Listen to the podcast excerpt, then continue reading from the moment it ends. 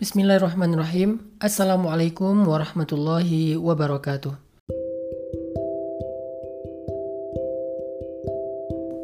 Hari ini kita akan bicara tentang sesuatu yang sangat penting, yaitu tentang bagaimana cara kita menerima ketentuan Allah atau takdir dalam kehidupan kita. Karena banyak sekali orang yang bertanya tentang masalah takdir. Di antaranya misalnya ada yang bertanya tentang bagaimana ya Ustadz cara kita bisa menerima takdir tentang jodoh ketika kita tidak berjodoh dengan orang yang kita inginkan. E, ketika hubungan kita tidak direstui oleh orang tua atau ketika kita ngecengin seseorang tapi dia jadinya malah dengan sahabat kita.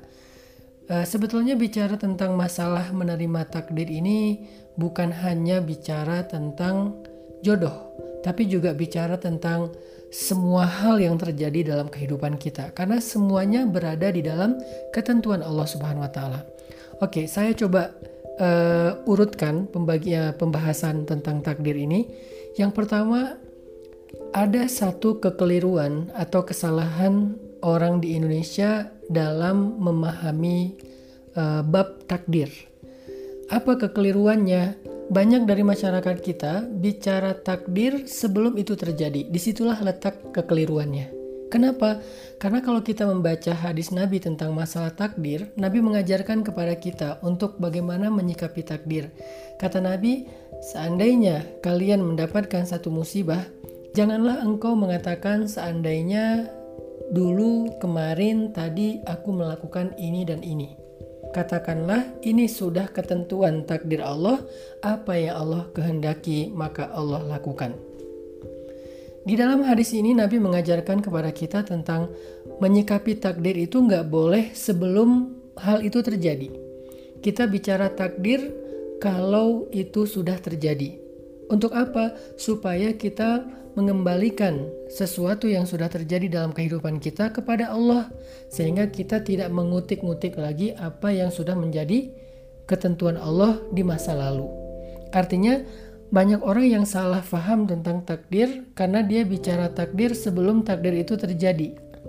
Sehingga dia menerka-nerka, dia eh, berandai-andai, sehingga akhirnya dia terjebak untuk tidak berbuat apa-apa dia akan mengatakan ya sudahlah kalau emang udah takdirnya kayak gini ngapain juga saya mengusahakan? Nah ini salah. Pembahasan takdir dalam Islam itu adalah pembahasan masa lalu. Dan membahas takdir bukan dengan berandai-andai tetapi dengan mengembalikan kejadian itu kepada Allah yang maha menentukan segala sesuatu dalam kehidupan kita. Di situlah kita belajar ridho sehingga ketika kita bisa mengembalikan sesuatu kepada Allah yang sudah terjadi, maka Allah akan mengganti yang buruk dengan yang baik. Misalnya kita kehilangan sesuatu, ini sudah takdir Allah. Saya sudah berusaha semaksimal mungkin, tapi ternyata terjadi juga. Ya sudah, saya kembalikan kepada Allah. Sehingga siapa yang mengembalikan sesuatu yang sudah terjadi dengan ridho kepada ketentuan Allah, nanti Allah akan memperbaikinya atau akan menggantinya dengan yang lebih baik di masa yang akan datang. Itu satu. Kedua, Allah Subhanahu wa taala berfirman di dalam surat Al-Baqarah 216, "Wa asa an takrahu syai'an wa huwa khairul lakum, wa asa an tuhibbu syai'an wa huwa syarrul lakum."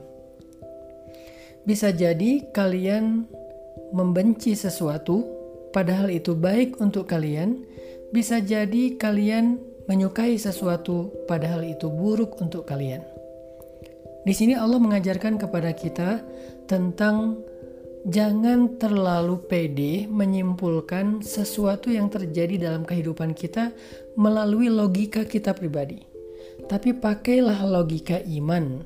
Karena kalau kita pakai logika kita pribadi secara subjektif atau selera kita, sering kali kita menganggap sesuatu itu buruk padahal di sisi Allah itu adalah kebaikan untuk kita yang kita tidak pahami saat ini tapi akan kita pahami di kemudian hari.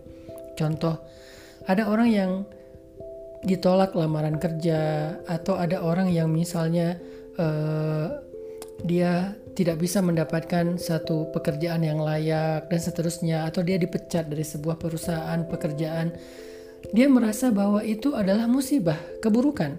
Padahal kalau dia pakai logika iman Bisa jadi itu adalah kebaikan di sisi Allah yang dia tidak pahami saat itu. Gara-gara dia di PHK, gara-gara dia ditolak lamaran kerja, akhirnya dia nggak punya pilihan kecuali harus menjadi wira swasta.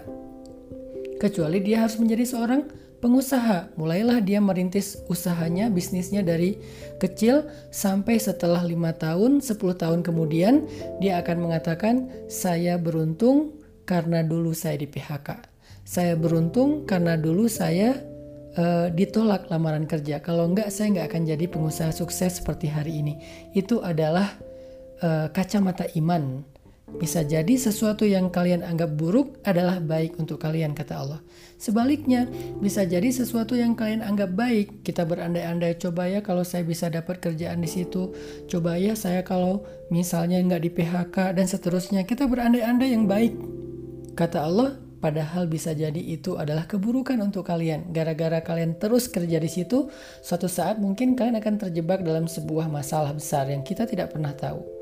Nah, uh, ada kalimat penting di akhir ayat 216 itu. Kata Allah, Wallahu ya'lamu wa antum la ta'lamun dan Allah lebih tahu sedangkan kalian tidak tahu. Itulah yang disebut dengan logika iman. Berbaik sangka kepada Allah, maka Allah juga akan menunjukkan seperti apa yang kita persangkakan. Dalam hadis qudsi Allah berfirman, Ana inda dhanni abdi bi. Aku tergantung prasangka hambaku kepadaku. Berprasangkalah yang baik-baik kepada Allah, maka Allah akan tunjukkan kebaikan yang seperti itu dalam kehidupan kita. Dalam konteks tadi, gimana kalau kita nggak berjodoh dengan seseorang yang kita inginkan? Katakan, bisa jadi yang kamu anggap baik adalah buruk bagimu, bisa jadi yang kamu anggap buruk adalah baik bagimu, dan Allah lebih tahu sedangkan kamu tidak tahu. Dan Allah tergantung prasangka hambanya. Dengan demikian, insya Allah kita akan mulai pelan-pelan belajar bisa menerima takdir Allah dan tetap optimis tentang masa depan kita dengan dua cara. Pertama, kembalikan kepada Allah. Kedua, berbaik sangkalah kepada Allah Subhanahu wa taala. Sahabat kreatif, mudah-mudahan ini menjadi penyemangat, motivasi buat kita menjalani hari ini dan hari-hari ke depan sehingga kita menjadi orang-orang yang dipenuhi kehidupannya dengan keberkahan dan kebaikan. Wassalamualaikum warahmatullahi wabarakatuh.